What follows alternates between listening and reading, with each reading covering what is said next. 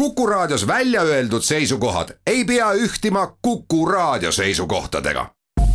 Te kuulate Kuku Raadiot. loodusajakiri, vaata ka looduseajakiri.ee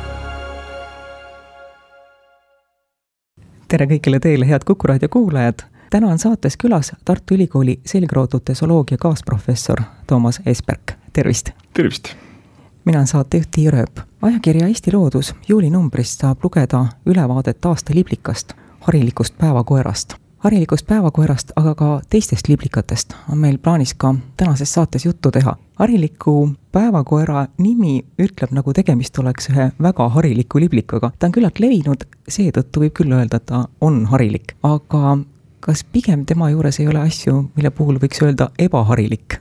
Jaa, väga terane tähelepanek, täpselt niimoodi on. tegemist on tavalise liblikaga, kas on meil tavaline ja paljudes muudes äh, paikades Euroopas sealhulgas ka Põhja-Ameerikas ja siis tavaline ja kui me hakkame lähemalt vaatama, siis tegelikult on päris mitmeid asju, mille poolest see liblikas on kaunis ebatavaline. kõigepealt on need valmikud, ehk siis täiskasvanud liblikad suhteliselt suured ja silmatorkavalt värvilised, kusjuures on äh, niimoodi, et esi- ja tagatiivad on erinevat värvi eestivad on sellised pruunivalge kirjud, tagatiivad oranžid musta joonega, ümbritsetud siniste rõngastega.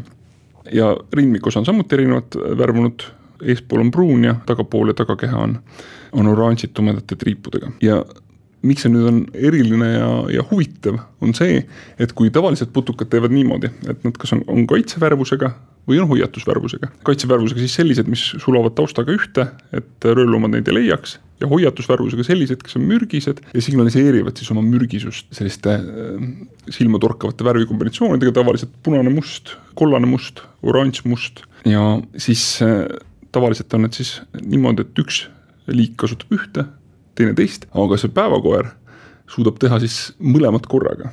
et alguses ta istub niimoodi tiivad koos, esitiivad koos ja näeb äh, oma sellise pruuni-valgekirjute esitiibadega välja nagu täiesti mitte liblikas, selline keskkonnaelement ja kui tullakse talle lähedale, tuntakse tema vastu rohkem huvi, siis ta hakkab välgutama oma tagatiibu, mis on eredalt värvunud. ja sellel on isegi kaks funktsiooni, üks on see, et ta ehmatab sellised väiksemad röövloomad, väiksemad linnud näiteks sellega ära ja teiseks signaliseerib ta seda, et, et ta on ikkagi mürgine ka, mida ta ongi. ja noh, selliseid kombinatsioone, kus, kus üks putukas või üks loom korraga saab olla hoiatus ja kaitsevärvusega tegelikult väga palju ei ole.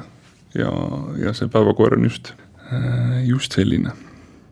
nii, aga veel eripärasid on, on tema puhul see, et kui üldiselt liblikad on rööviku staadiumis vägagi valivad oma toidutaime suhtes, söövad ainult ühe perekonna või ühe taimeliigi isendeid, siis päevakorra on näide sellest, kuidas äh, üks liik võib süüa, üks liblikas võib süüa väga palju erinevaid, rööviku staadiumis väga palju erinevaid taimi. Ja siin on paslik tuua üks lugu, mida kolleeg rääkis, et tal õnnestus äh, harilikule päevakoerale sööta isegi küpsist, mis on on väga ebatavaline, sest liblikate puhul need väga-väga varieeruva toidutaimede valikuga suudavad röövikud väga mitmetel taimedel kasvada. Ja veel eripära, sealjuures äh, juba rääkisime, et nad on mürgised, siis äh, nii röövikud kui, kui valmikud on mürgised. Need mürgid nad saavad taimedelt. Ja mitte valmis kujul, aga, aga taimed kaitsevad ennast mürkidega taimtoiduliste elukate vastu ja siis tõesti suudab see konkreetne liik neid taimemürke, ta suudab neist mööda hiilida, nende mürgisest toimest, ta suudab ka neist sünteesida omakorda mürke, mis teevad tema mürgiseks. ja selline asjaolu on äh, väga ebatavaline, et seda, see asjaolu ise ei ole ebatavaline, selliseid näiteid on, aga need näited on suuresti sellistest liikidest, kes on spetsialiseerunud mingile kindlale taimele. aga seda, et, et niimoodi suudab teha elukas, kes sööb väga erinevaid taimi, see on üsna, üsna harukordne, on veel liike, näiteks mõned teised karuslased. harilik päevakoer kuulub siis karuslaste rühma, aga, aga siiski üldises plaanis vägagi erakordne asi. ja see hariliku päevakoera nimi, nimetus tuleb ju rööviku staadiumist, need röövikud on äh, meenutanud kellelegi koeri ja, ja liiguvad ringi päevasel ajal, liblikas ise lendab peamiselt öösel. see on samuti üsna ebatavaline, et siis äh, vastne on tuntum kui, kui valmik ja sealjuures rahvasuus on, on see päevakoera nimetus levinud ju kõigile karvaste röövikutega. Liblikatele, kõiki neid karvaseid röövikuid nimetatakse päevakoerteks, et ähm, ühest liigist, selle ühe liigi vassest, vassetest on saanud siis selline üldisem, üldisem termin aluse. ja kui ma juba ütlesin, et, et see liblikas on meil tavaline, siis äh, tegelikult päris iseenesestmõistetav see ei ole, et mõnel pool on tänapäevaks äh, jõutud seisu, kus see liblikas pole enam üldse nii tavaline, äh, näiteks Briti saartel on täheldatud, et neljakümne aastaga kahanes äh, harvikupäevakoera arvukus kuskil üheksakümmend protsenti. et väga-väga suurel määral, et päris iseenesestmõistetav see tegelikult ei ole, aga meil, noh meil otseselt selliseid uuringuid tehtud ei ole, aga kõik viitab sellele, et vähemalt nii dramaatilist arvukuse langust kindlasti meil meil õnneks olnud ei ole, et, et meil on veel, veel hästi. harilikul päevakoeral talvitub röövik, kas see on suurliblikate, Eestis elavate suurliblikate puhul tavaline või on ka see ebatavaline? see tegelikult on, on pigem tavaline selles mõttes, et äh, tegelikult võivad meie liblikad talvituda ja talvituvadki kõigis neljas erinevas staadiumis, nii muna, rööviku, nuku kui valmiku järgus ja, ja rööviku staadiumis talvituid on meil küllalt palju, aga kõige rohkem on siiski nukuna talvituvaid liike, et see, ütleme, ei ole ebatavaline, aga noh, siiski ei ole see ka päris lausaline meie liblikate hulgas. hariliku päevakoera röövik on, ütleme, mõnusalt karvane, õigustab oma nime, päevakoer. kes on hariliku päevakoera rööviku looduslikud vaenlased, kes teda söövad või kes üldse toituvad liblikaröövikutest? jah, et, et harlik päevakoer nagu ma ütlesin, on, on mürgine nii, nii valmik kui ka, kui ka röövik ja rööviku lisaks on need tõesti need pikad karvad, mis teda veel lisaks kaitsevad. et selliseid liike, kes ainult sellest äh, harikust päevakoerast toituksid, ei ole teadaolevalt, vähemalt selliseid äh, röövloomi, kes äh, sellel liigil toituksid, loomulikult aeg-ajalt mõni lind proovib noor lind proovib ära, päevakoera rööviku saab aru, et see ei maitse üldse hästi ja ja rohkem enam ei proovi, nii et, et siin-seal neid loomulikult ikkagi rünnatakse, aga, aga pigem vähe, et tegemist on jah, mürgiste ebameeldivate karvaste tegelastega, et kes ei ole suuremad asjad, saakobjektid. aga üldiselt liblikaröövikud on küll väga tugeva röövlussurve all, sest äh, siin meie laiuskraadil just, eriti just kevadel ja, ja suvel, kui lindudel on pesitsusperiood, siis äh, enamus meie laululinde isegi sellised liigid, kes muidu on taimtoidulised, oma poegadele viivad ikkagi putukaid toiduks ja eeskätt just liblikaröövikud. küll mitte selliseid karvaseid ja mürgiseid nagu harlik päevakoer, vaid äh, siledaid ja mittemürgiseid. nagu, nagu näiteks on paljude öölaste röövikud, et äh, nad on, on lindudele, võib isegi julgelt öelda, et meie laiuskraadil siin täiesti asendamatu toiduobjekt pesitsusperioodil Loodusajakiri. vaata ka looduseajakiri.ee. loodusajakiri jätkub. kuku raadio stuudios on Tartu Ülikooli selgraudute zooloogia kaasprofessor Toomas Esperk, saatejuht on Tiiu Rööp. enne pausi rääkisime, et harilik päevakoer kaitseb end ärasöömise eest sellega, et on mürgine. milliseid kohastumusi võib-olla väga spetsiifilisi kaitsekohastumusi liblikad veel kasutavad? jaa, neid on päris mitmeid. näiteks äh, mimikri erinevad vormid on liblikate hulgas laialt levinud, ehk siis äh, liblikad nii-öelda mängivad mürgiseid, mürgiseid putukaid, ise sealjuures mürgised ei ole. Näiteks äh, on meil lottsurud, sellised liblikad, kes on väga kimalase moodi ja üldiselt röövloomad jätavad nad rahule, arvates, et nad on, nad on mürgised. Ja samamoodi klaastiivad, kes siis on väga herilaste moodi, kuigi nad ise mürgised ei ole, siis enamasti on röövloomadel negatiivseid kogemusi, et nad pigem ei tule neid kontrollima ja see on evolutsioonilises plaanis seda strateegia töötanud.